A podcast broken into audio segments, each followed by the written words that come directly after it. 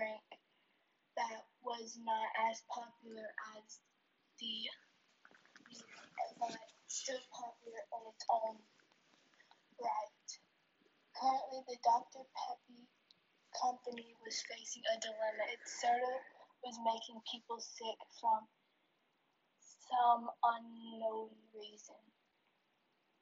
They had to take every single can off of the shelf of every single store it was in, outside or inside of town. The townsfolk were devastated by this sudden product recall. One person who was really hit hard by this was a young man named Greg Girardi.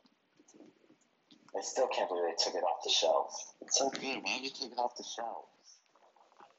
Greg wasn't the most special person in the world, just a random kid from around the block, really. He had an insane love for Dr. Peppy soda, so much so that he cried when he found out they were taking it off shelf of every store in town. Maybe I'll just watch some TV for now. Get my mind off this. Okay, that didn't help at all. You know what? I'm gonna go get to the bottom of this. I'll call Mary and have her help me find out what the heck is going on.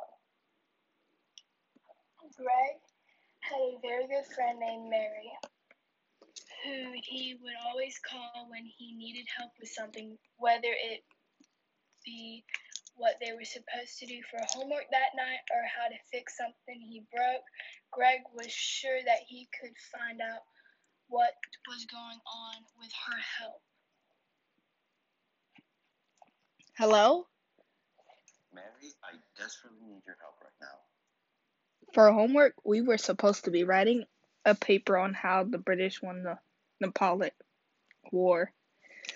First of all, thank you. Second of all, it's someone I'm calling. I need you to help me find out why the heck Dr. Peppy was being taken off shelves.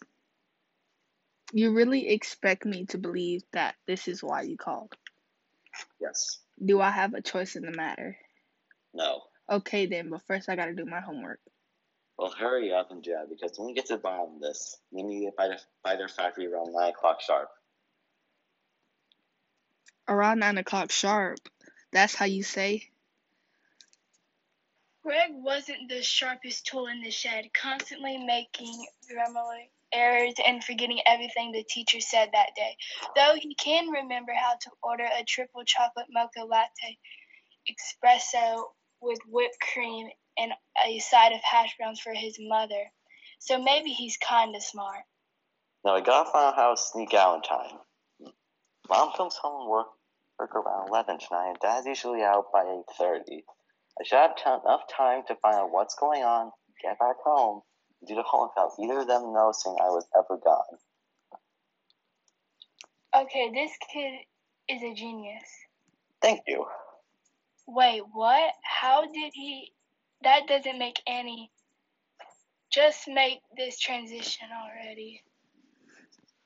Well, here we are, at their factory, Wait, why the factory? Why not the stores? because they're taking back to the factory. So then if we go to the factory, we'll find out what's wrong with the soda. If we find what's wrong with the soda, we'll probably become famous for saving our company, and we'll get a huge reward. You couldn't memorize that and not the homework?